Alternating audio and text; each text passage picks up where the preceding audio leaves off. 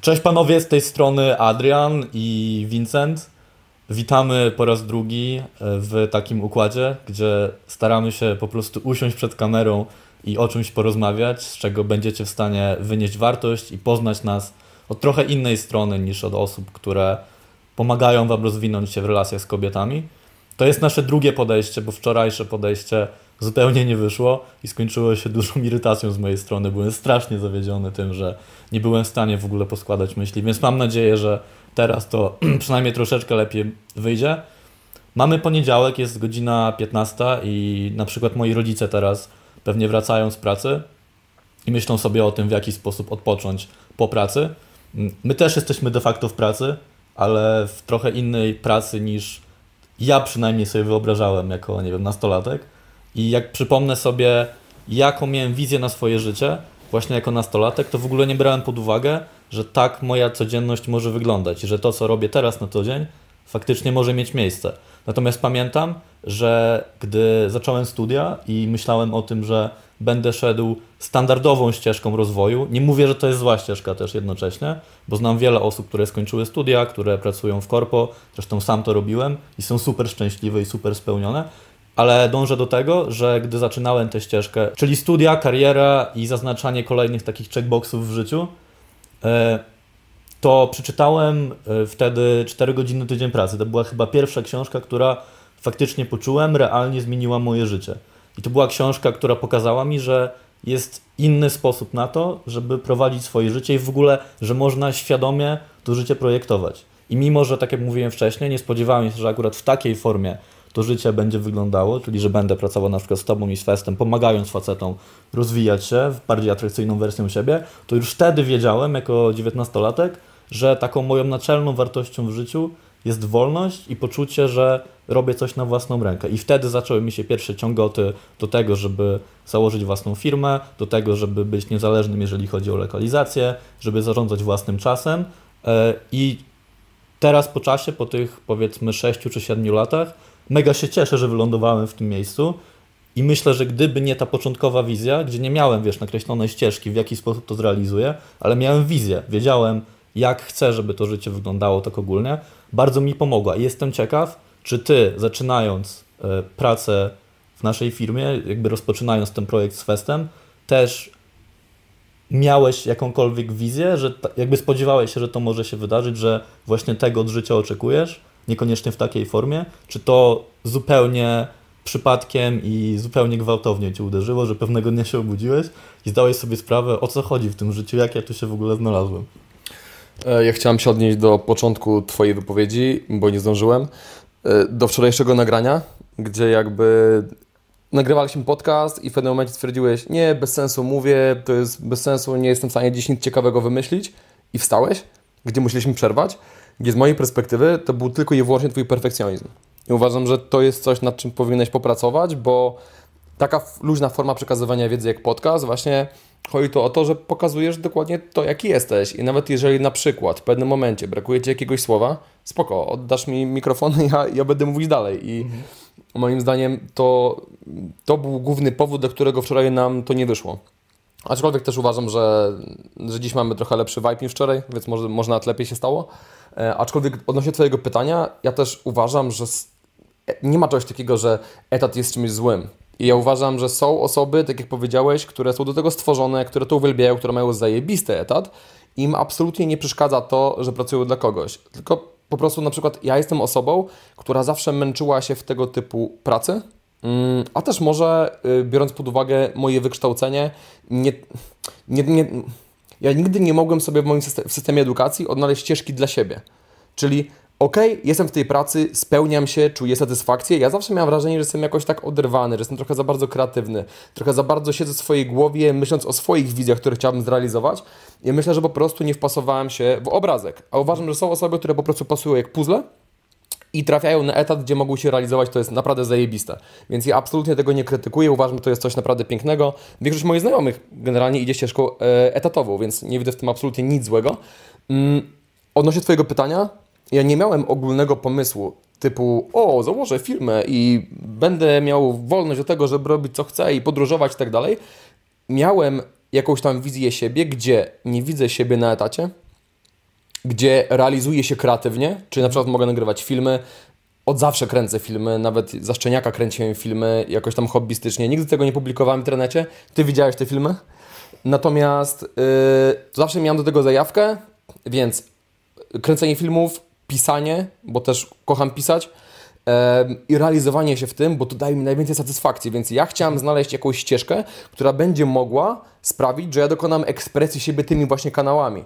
I nie, to nie było tak, że ja byłem przekonany, o, ta ścieżka zapewni mi to wszystko, Dlatego, że tak jak mówiliśmy w poprzednim podcaście, początki wcale nie były kolorowe. I to zaczęło się od po prostu pasji do tego, że e, jak się zmienić.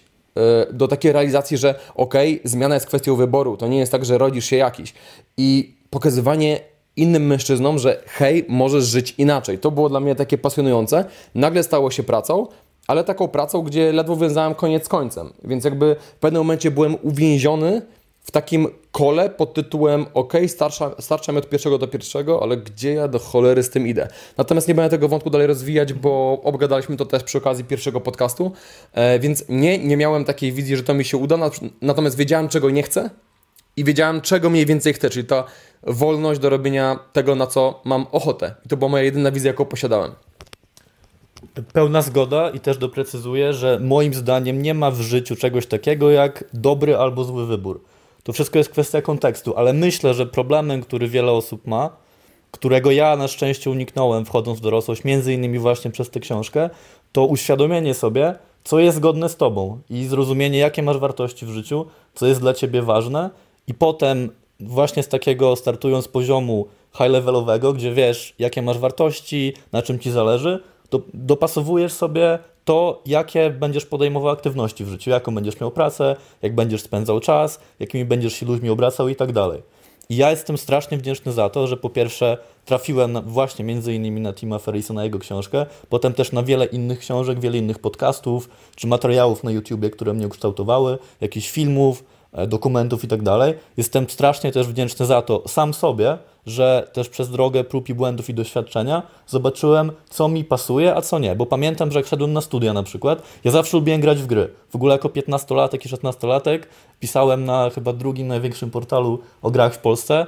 Miałem też własną stronę chyba jako 13-latek i zawsze myślałem o tym, że tak, lubię gry, lubię komputery, podobało mi się też dziennikarstwo i przez pierwsze 5 lat takiej właśnie samoświadomości, powiedzmy od 13 do 17-18 roku życia, byłem przekonany, że na przykład, że prawdopodobnie będę albo dziennikarzem, albo informatykiem. W końcu pisanie mi się znudziło trochę, poszedłem na studia informatyczne i wtedy myślałem przez sobie dwa lata, że ok, to teraz będę informatykiem, skoro lubię komputery, skoro nawet lubię programować, to będzie to ścieżka dla mnie. Ale potem tak, trafiłem między innymi na, na książkę Tima Ferrisa, dużo też miałem okazji do tego, żeby zobaczyć, jak, na czym polega i z czym się wiąże praca dla kogoś e, na etacie. I zauważyłem, że w moim życiu następowały takie bloki kilkuletnie, gdzie na nowo definiowałem siebie i na nowo uznawałem, co jest dla mnie ważne w życiu. U ciebie też tak było?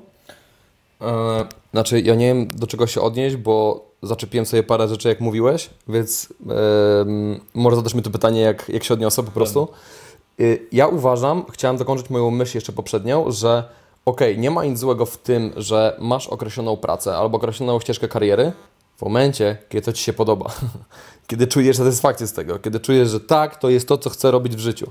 Bo jeżeli jesteś uwięziony w jakiejś ścieżce życia, gdzie czujesz się właśnie uwięziony, czujesz się przytłoczony tym, że to jest Twoja ścieżka raz na zawsze i żeby o tym zapomnieć, musisz co weekend wyjść do klubu i się po prostu najebać do nieprzytomności, no to coś jest nie tak. Natomiast jeżeli to jest Twoja ścieżka, niezależnie czy to będzie etat, czy to będzie Twój biznes, wszystko jest w najlepszym porządku. Tylko właśnie najgorsze, czego ja się obawiałem, to wylądować w ścieżce, gdzie ja się nie odnajduję, gdzie czuję, że w ogóle nie należę do tego środowiska, gdzie w ogóle nie chcę tego, gdzie jestem obrzydzony moją pracą. Ja nie chciałem czegoś takiego mieć i zostać uwięziony na długie lata w czymś takim, bo dla mnie to się kojarzy z piekłem po prostu. Mhm. I nawet jak ledwo wiązałem koniec końcem, to ja wiedziałem, że za nic nie przehandlowałbym mojej wolności, jaką mam w tym momencie i tego, że czuję, że tak, właśnie w ten sposób chciałem przeżywać moje życie. Nigdy bym tego nie przehandlował za większe pieniądze, za większy status społeczny Mhm. e, i tak dalej, bo ja cenię sobie przede wszystkim wolność. Wolność do tego, żeby dla przykładu spytać Cię, ej Adrian, jedziemy w góry za, za dwa dni? Ewentualnie, ej Adrian, co na to, żeby kupić bilety do Chorwacji i nagle sobie polecieć? I Ty mówisz, no jasne, widzę, lecimy. Ja chcę mieć coś takiego. Nie chcę musieć pytać szefa, czy da mi urlop i tak dalej. Em, tak, natomiast przypomnij, jakie było Twoje pytanie? Nie wiem, ale mogę coś dopowiedzieć innego. No spoko. Bo jakby y, to jest taka głębsza rozkmina, ale myślę, że dla wielu ludzi problemem jest to, żeby w ogóle zrozumieć, czy jeżeli ktoś nawet czuje się gdzieś dobrze, to czy nie może czuć się lepiej. To znaczy, jak mówiłeś o tym, że ktoś wie, że czuje się źle i na przykład musi każdego dnia po pracy napić się alkoholu, żeby o tym zapomnieć, tak mamy sytuację, gdzie ewidentnie ta osoba nie jest szczęśliwa, ale prawdopodobnie brakuje albo pomysłu, albo odwagi do tego, żeby coś zmienić. Ale ja mam też wrażenie, że ludzie często akceptują to, że jest im ok, tak wiesz, w porządku i uznają, że tak już powinno być. I że trochę wielu osobom brakuje takiego podejścia, które właśnie Tim Ferriss we mnie zaszczepił, czyli podejścia takiego naukowca, trochę szalonego naukowca, trochę takiego eksperymentatora, gdzie nawet jeżeli jest ci ok, gdzie jakby osiągasz ten status quo, jesteś w jakiejś tam strefie komfortu, w czym, nie ma jakby fundamentalnie też niczego złego, żeby mimo wszystko dać sobie pozwolenie na to, żeby próbować nowych rzeczy. I też z innej strony przykład, ale w tym samym jakby kontekście, ja jako dziecko dużo biegałem na przykład, bo mój tata jest biegaczem, skończył kilka, kilkadziesiąt maratonów i zaszczepił we mnie potrzebę i ochotę do tego, żeby zobaczyć, żeby zacząć właśnie biegać. I ja przez chyba 5 albo 6 lat jako nastolatek biegałem i bardzo mi się to podobało. Ale w końcu zaczęło mnie nudzić, stało się strasznie monotonne i uznałem, że w sumie fajnie byłoby czegoś innego spróbować ale jednocześnie miałem zaszczepione w głowie, że na przykład siłownia, czyli trochę zaprzeczenie właśnie, wiesz, takiego y, typowego cardio, gdzie pokonujesz duże dystanse na nogach, to jest coś złego, to jest, nie wiem, dla ludzi, którzy nie są inteligentni i tak dalej. E, I byłem mega oporny. I przejście od momentu, gdzie moją główną pasją, jeżeli chodzi o sport, było bieganie, do siłowni, zajęło mi chyba dwa albo trzy lata. I cieszę się, że jednak tej, tego, tej tranzycji dokonałem, bo teraz strasznie lubię na siłownię chodzić, jak doskonale wiesz, ale żałuję, że nie zrobiłem tego wcześniej i zastanawia mnie, jak właśnie często ludzie mają coś takiego, że nawet nie podejmą tego kroku, gdzie wykonają nawet leciutko, wiesz, krok nad tą krawędź i zobaczą, jak się poczują z czymś innym, właśnie dla samego tego, żeby zobaczyć, jakie są jeszcze opcje w życiu, że życie to jest trochę takie menu, gdzie podchodzisz, taki bufet, gdzie podchodzisz i wybierasz sobie różne dania. Oddawaj. Generalnie dwie rzeczy. Pierwsza rzecz to środowisko, a druga rzecz nastawienie ludzi do zmiany ścieżki kariery. O tych dwóch rzeczach chciałem teraz powiedzieć. Pierwsza rzecz, ja uważam, że ekstremalnie ciężko jest wymyślić, o, teraz rzucę etat i zobaczę, jak to sprowadzić swój własny biznes, jeżeli nie znasz nikogo, komu to wyszło. Jeżeli nikt Cię nie inspiruje. Jeżeli przebywasz z innymi osobami, dla których to jest ok. To nawet jeżeli czujesz takie coś, że kurde, to nie jest dla mnie, nie odnajduję się tutaj, to nagle wszyscy Ci mówią, nie, wszystko jest ok, przecież wszyscy to robimy, zobacz. I nagle sobie myślisz, dobra, to może ze mną jest problem, może powinienem na siłę się zmusić, żeby to zaakceptować, ewentualnie po prostu w większe ciągi alkoholowe wpadać, żeby zapomnieć, że nie robię tego, co naprawdę kocham w życiu. To jest jedna rzecz. Ja uważam, że ja jestem wdzięczny, że trafiłem na ludzi, którzy zainspirowali mnie do tego, że można inaczej.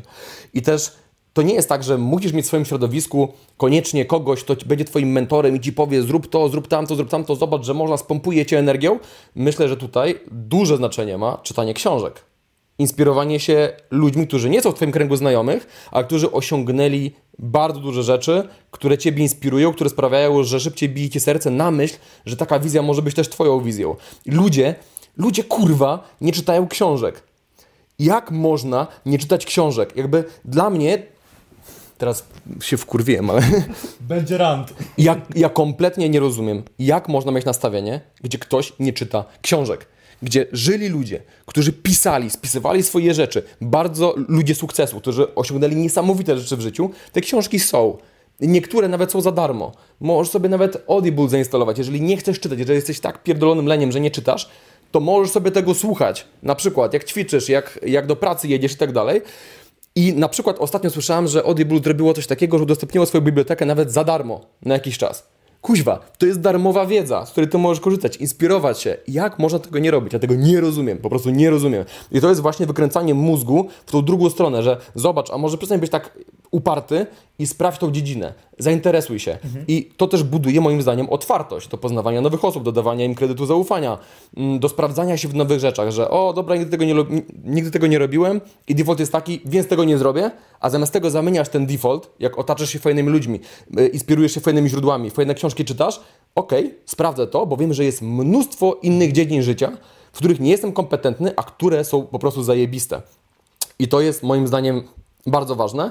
Natomiast pomijając środowisko, ja uważam, przechodząc teraz do, e, do tego, do czego chciałem się odnieść, ja uważam, że ludzie mają takie nastawienie, że jak mają jakąś ścieżkę kariery, mają jakoś ułożone życie, to już jest klepnięte. Mhm. Tego już się nie da zmienić. Jakby i okej, okay, no sorry, jeżeli masz 30 lat i na przykład jesteś kobietą, sorry, nie zostaniesz modelką. Modelką trzeba było się zainteresować, e, modelkiem trzeba było się zainteresować jak miałaś 13 czy tam 12 lat. E, Oczywiście pe pewne zawody będą już nie, niedostępne, pewne ścieżki się zatrzasną, ale to nie oznacza, że to jakoś mocno zawęża Twój wybór. No bo załóżmy, jeżeli ja teraz miałbym zrezygnować z prowadzenia szkoleń, z prowadzenia tej marki, a nie zamierzam tego przecież robić do końca życia, ja bez problemu będę mógł zrobić transition. Przepraszam za brak polskiego słowa, ale akurat. Przejście? dokładnie, gładkie przejście do innej ścieżki kariery, bo też wierzę w siebie, wiem, że zbudowałem coś od zera, wiem, że będę potrafił te umiejętności wykorzystać do tego, żeby odnaleźć się w dowolnym innym biznesie. I też wiem, że to, gdzie się przeniosę, będzie również wiązało się z wolnością, e, z podróżami, z przeżywaniem zajebistych rzeczy, gdzie będę miał dużo czasu dla siebie, jednocześnie realizując się w czymś. Tak, bo widzę, że już chcesz się odnieść. Ja ci... Nie, no dobra, dobra. tak, czyli mówisz o tym, że forma będzie ta sama, czyli będziesz znowu miał e, powiedzmy te same ramy narzucone pod postacią wartości, tego co jest dla Ciebie ważne w życiu, ale będziesz to w inny sposób implementował, tak jakby trochę inne rzeczy robiąc, ale wciąż będąc zgodny ze sobą. Ja uważam, że właśnie zrozumienie tego, co jest dla Ciebie ważne, jakie masz wartości, e, świetną drogą do tego właśnie jest bycie ciekawym świata i na przykład czytanie książek, słuchanie podcastów, oglądanie dokumentów i tak dalej. I ja często postrzegam i taką chyba widzę też największą wartość właśnie w edukacji jako takiej, na przykład poprzez książki, że to są takie, każda książka są takie drzwi, że podchodzisz do nich, otwierasz i patrzysz, co będzie po drugiej stronie. I pozwalasz sobie na to, żeby w tej, za tymi drzwiami był na przykład potwór, że coś cię wystraszy. A czasem otwierasz te drzwi i jest skrzynia złota, gdzie nie spodziewałeś się w ogóle, że coś cię zainteresuje, a nagle to się staje twoją obsesją. Przykładowo, ja e, nawet po przeczytaniu książki Tima Ferrisa, gdzie zrozumiałem, że najlepszą, najlepszym narzędziem do tego, żeby żyć w taki sposób, jaki chciałem, czyli być niezależny finansowo, jeżeli chodzi o lokalizację i mój czas, jest to, żeby założyć firmę. Ale ja w ogóle tak kompletnie nie interesowałem się biznesem. Ja jak dorastałem, chodziłem na przykład na zajęcia takie dodatkowe z ekonomii, to myślałem sobie, że założenie firmy i wszystko, co się wiąże, wiąże z biznesem, to jest najbardziej nudna rzecz na świecie i mnie to nigdy nie zainteresuje. Ale właśnie przez to, że pozwoliłem sobie na czytanie książek i słuchanie podcastów, gdzie różni ludzie wkładali mi do głowy różne idee i pokazywali, że jednak tutaj może być coś ciekawego, taką wiesz, małą miskierkę zapalali, to sprawiło, że ta, ta iskierka wreszcie wybuchła do rozmiaru wielkiego płomienia. I dla mnie teraz sama przedsiębiorczość jako taka jest tak ekscytująca, że stała się jakby częścią tego, kim jestem. I nie potrafię sobie wyobrazić, że nie jestem jakby w moim życiu właśnie przedsiębiorcą. I, I jakby właśnie uważam, że gdyby nie książki, gdyby nie wpływy ludzi, których de facto nie znam, ale którzy po sobie coś pozostawiają, to nie byłoby w ogóle szans, żeby to w sobie wykształcić. I że to jest trochę takie właśnie E, podążanie przez życie na plecach takich gigantów, że mimo, że nie znasz tych osób, na przykład wiesz, ja nigdy nie poznałem Tima Ferrisa, a ja uważam, że to jest jeden z moich takich mentorów życiowych właśnie przez to, co on stworzył. E, I to, że żyjemy w takich czasach w ogóle, że jest internet jako to magiczne narzędzie, gdzie masz dostęp do mózgów tak naprawdę każdej osoby, która czymś chce się podzielić, to jest niesamowite. My żyjemy trochę w takich bańkach informacyjnych i te bańki powstają, czy tego chcemy i czy projektujemy świadomie, czy nie. Czyli załóżmy, masz swoje środowisko w pracy, Twoją bańką informacyjną są Twoje osoby, z którymi przebywasz najczęściej. E, to newsy, które Ci się wyświetlają w Twoim newsfeedzie na social mediach, które swoją drogą są szyte pod Ciebie, i też zamykają cię w bańce informacyjnej, bo osoba identyfikująca się na przykład z prawicowymi poglądami będzie dostawała w newsfeedzie rzeczy prawicowe, a osoba z drugiej strony spektrum będzie dostawała te, te inne poglądy, więc jesteśmy uwięzieni w tych bańkach. I moim zdaniem czytanie książek, słuchanie podcastów to jest wyrywanie się z tych baniek i tworzenie własnych. I bańki informacyjne mają na nas fundamentalny wpływ. Mają to świadomość, jak duży wpływ ma na nas środowisko i właśnie informacje, które do nas docierają, zaprojektowanie tego jest znacznym ułatwieniem rzeczywistości. Bo teraz, jeżeli chcę mieć życie, gdzie jestem wolny, gdzie realizuję ideę, gdzie próbuję nowych rzeczy, gdzie ryzykuję, gdzie mm, inspiruję się, gdzie po prostu próbuję cały czas dotrzeć do mojego potencjału, to mogę sobie zaprojektować na przykład poznać takich ludzi, czyli zaprojektować moje najbliższe środowisko, że przebywać z tymi osobami, no bo jednak jesteśmy wypadkowo tych osób, z którymi przebywam najczęściej, tu nie ma co dyskutować. Yy, mogę chodzić na jakieś eventy związane z tymi rzeczami, które mnie interesują. Czyli mogę zaprojektować swoją bańkę informacyjną, żeby nie zamykała mnie takim kokonem ignorancji, tylko żeby rozszerzała moją świadomość i pozwalała mi lepiej dotrzeć do sedna tego, kim ja jestem.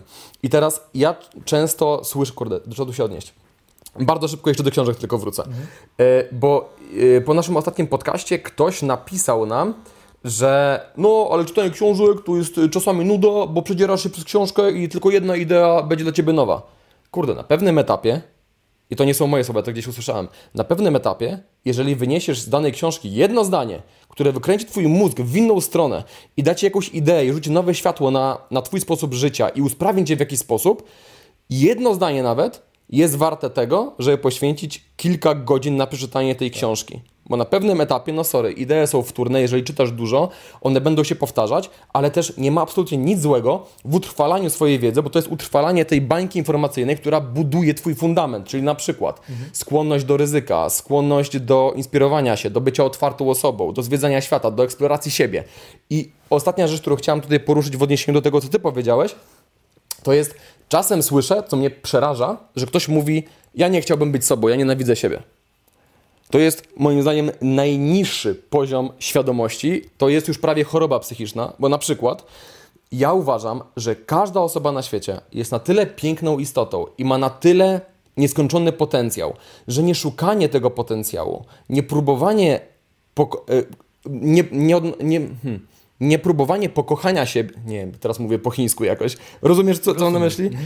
Y, brak podejmowania próby pokochania siebie, brak, poko brak y, próby dotarcia do tego potencjału, do urzeczywistnienia go, to jest najsmutniejsza rzecz, o jakiej ja, mhm. ja w ogóle, to jest najdziwniejszy koncept, o którym ja się dowiedziałem, że ludzie tak mają, że ja chcę być kimś innym. Ja nigdy nie chciałem być nikim innym. Nawet jak byłem osobą, która była smutna, nie miała zbyt wielu znajomych, była naprawdę w, y, w standardach dzisiejszych moich, bardzo, bardzo nisko, jeżeli chodzi o ogarnięcie życiowe. Ja nawet wtedy nie chciałbym się nic z nikim zamienić, bo ja wiedziałem, że kurde, to ja jestem mną, tylko ja mogę zrobić pewne rzeczy, tylko ja jestem wrażliwy na niektóre emocje. Y, to ja mogę na przykład zeksplorować jakąś ścieżkę i dowiedzieć się, że jestem dobry w pisaniu, że y, jara mnie y, wideografia i tak dalej. Tylko ja mogę to zrobić. I nie chciałbym nigdy zamienić się z nikim na wygląd, na sylwetkę i tak dalej, bo na przykład ja wtedy nie miałem sylwetki, ja sylwetkę zbudowałem. I ja jarałem się procesem budowania tej sylwetki. Ja nie chciałem jej dostać za darmo, bo w prezencie z sylwetką ja otrzymałem dyscyplinę. Ja otrzymałem y, rutyny, które po prostu budują mnie, y, które zahartowały mój mózg i moją psychikę, gdzie ja teraz z powodzeniem mogę na inne dziedziny życia przenosić lekcje, jakie otrzymałem na przykład wyciskając sztangę na siłowni. Tak mhm. nawet groteskowo mówiąc. Mhm.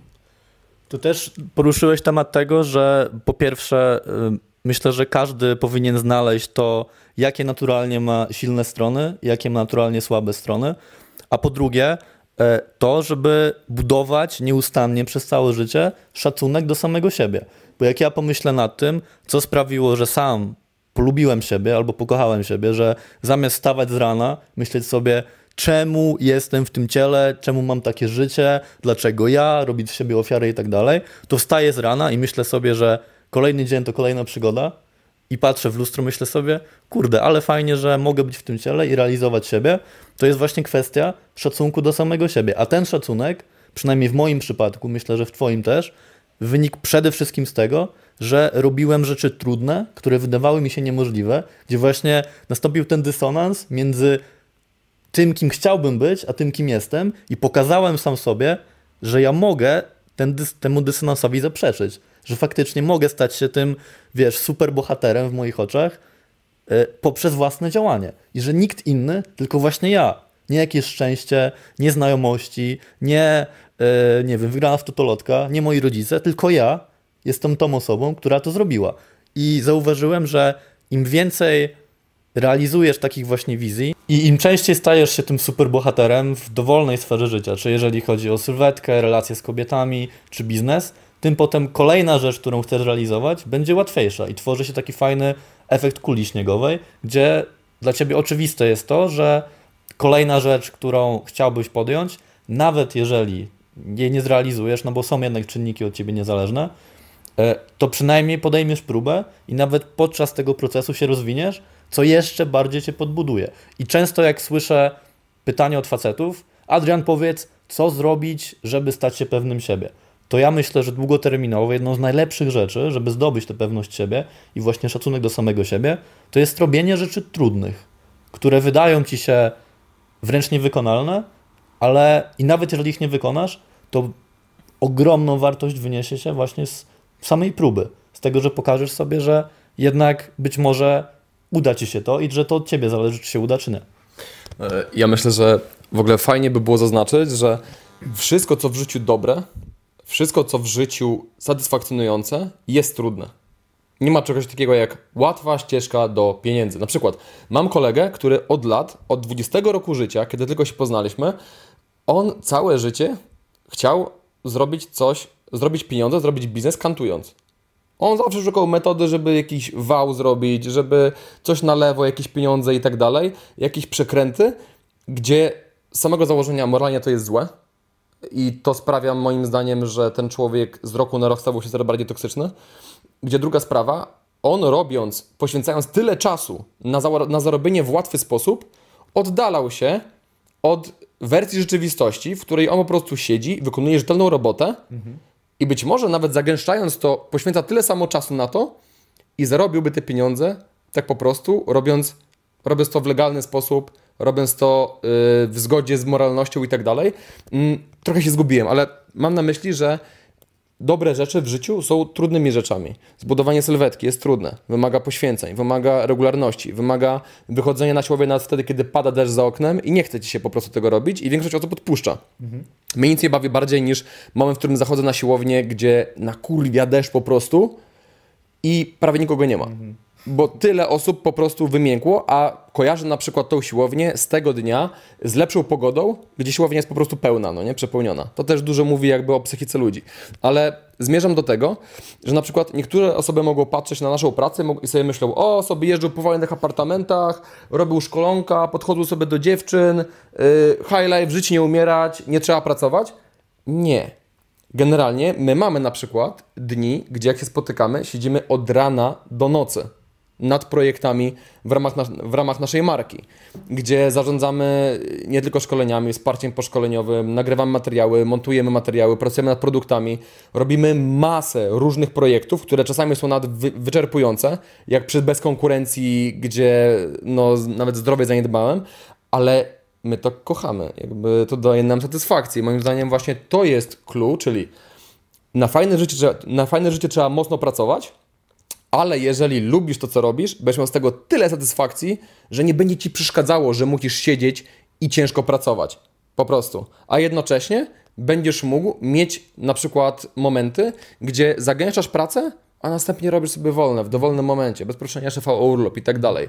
E, także nasza praca to nie jest tylko sielanka, to jest czasami bardzo dużo roboty, to jest natłok obowiązków, ale to jest też bardzo ciekawe. I teraz na przykład dla mnie, my weszliśmy na nowy etap z naszą firmą, gdzie teraz ja uczę się znów nowej rzeczy, bo ja też uważam, że bardzo ważne jest uczenie się nowych umiejętności, gdzie tą nową umiejętnością w naszym przypadku, moim Festa, jest zarządzanie ludźmi jest zarządzanie większym teamem. Odkąd do nas dołączyłeś, odkąd mamy Mateusza jako naszego asystenta, to jest bardzo ciekawe, bo teraz ja edukuję się ze strony, od której myślałem, że nigdy nie będę musiał się edukować. Mhm. I to jest dla mnie fascynujące.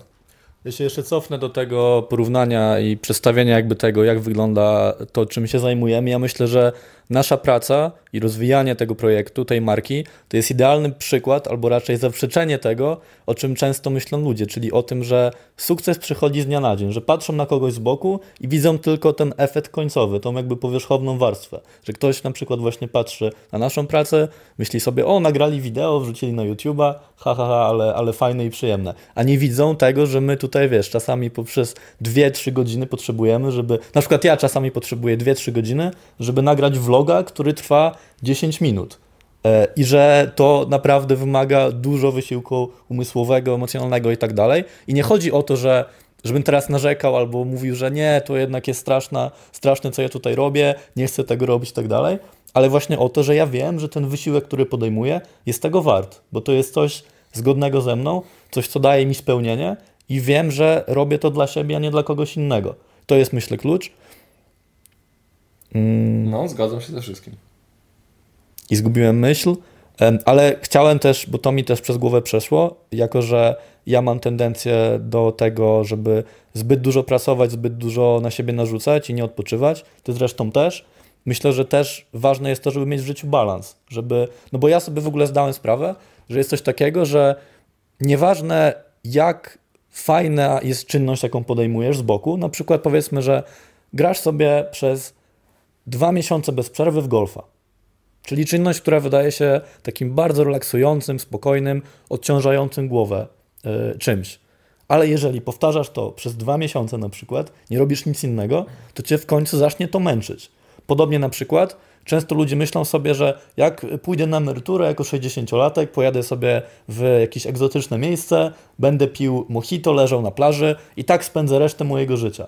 Ale po dwóch tygodniach to będzie najbardziej męcząca rzecz na świecie. I tu znowu wchodzi to, o czym mówiliśmy wcześniej, że nie ma obiektywnie rzeczy dobrych, złych, rzeczy relaksujących albo y, wyczerpujących cię, tylko trzeba znaleźć balans. No bo jeżeli ciężko nie pracujesz, to potem trudno ci odpoczywać. Jeżeli wciąż odpoczywasz, to staje się pracą. Jeżeli wciąż pracujesz, nie jesteś wypoczęty. I dla mnie aktualnie w życiu jedną z rzeczy, nad którymi, nad którymi się skupiam, która też jest dla mnie wyzwaniem, to właśnie szukanie tego balansu. Zarówno każdego dnia, jak i długoterminowo, na przykład w perspektywie roku i generalnie całego życia. Tak, bardzo fajne rzeczy właśnie powiedziałeś, z którymi się jak najbardziej zgadzam. Eee, I w sumie nie jestem pewien, e, ja uważam, że wyczerpaliśmy pewien wątek, więc jeżeli masz coś do dodania, to możesz dodać. Mam propozycję dla naszych widzów. Okay. Bo poruszyliśmy dużo niezwiązanych czasami ze sobą wątków. Jeżeli byście byli w stanie wskazać, które z tych wątków, które poruszyliśmy, są dla Was najciekawsze, to być może zrobimy tak, że w kolejnym materiale usiądziemy sobie i pogadamy właśnie trzymając się tego konkretnego tematu i zobaczymy, jak to wyjdzie. Więc jeżeli jest coś, co przykuło Waszą uwagę szczególnie mocno, napiszcie o tym w komentarzu i my potem postaramy się to rozwinąć w dedykowanym materiale. Też uważam, że dla naszych widzów jest bardzo ciekawe, gdy robimy nagrania wspólnie i gdy sobie takie dyskusje prowadzimy. I ponieważ teraz jesteśmy na dłużej w Krakowie razem wszyscy, to postaramy się po prostu dużo więcej takich materiałów przygotować. E, no bo nasza praca wygląda tak, że najczęściej pracujemy zdalnie ze sobą, z różnych miast Polski, każdy z nas, ale mamy momenty, gdzie się zjeżdżamy w jeden punkt i myślę, że to są zajebiste momenty do tego, żeby po prostu usiąść, porozkminiać pewne rzeczy, porozmawiać, poprowadzić takie dyskusje właśnie przy włączonej kamerze. No bo jak pokazuje doświadczenie, czasem my mamy jakieś myśli, rozmawiamy sobie o nich i te myśli mogą być przełomowe, odkrywcze dla osób, które nas słuchają, dla nas są czymś normalnym, więc i to jest też myślę mm, dla naszych widzów bardzo fajna okazja, jeżeli nie mają takiego środowiska, tak. E, które ich wspiera w tym, że rozwój jest fajny, że warto na co pracować, że warto wierzyć w siebie i tak dalej, tak z realistycznej perspektywy, a nie takiej dmuchania pust i takiej pustej motywacji, to myślę, że taki nasz kanał robi takim ludziom za substytut fajnego środowiska. I to jest właśnie ten kanał inspiracji, tak. którym możemy wlać i napełnić jak to teraz zabrzmi, naczynie, którym są nasi, nasi widzowie. Y, a tak już w skrócie mam nadzieję, że z tego materiału wynieście coś, coś dla siebie. Ja wiem, że gdybym był 10 lat temu e, w sytuacji, gdzie oglądałbym coś takiego, ta, taki materiał byłby dla mnie przełomowy. E, te idee, które poruszyliśmy, to rzuciłoby nowe światło na to, co myślę o mojej rzeczywistości, o tym, gdzie jestem w tym momencie. Więc to chyba tyle. To tyle. Tak ładnie podsumowałeś, że już niczego mądrego tu nie powiem, więc dziękujemy za uwagę i do zobaczenia w kolejnym materiale. Do zobaczenia, na razie. Trzymajcie się.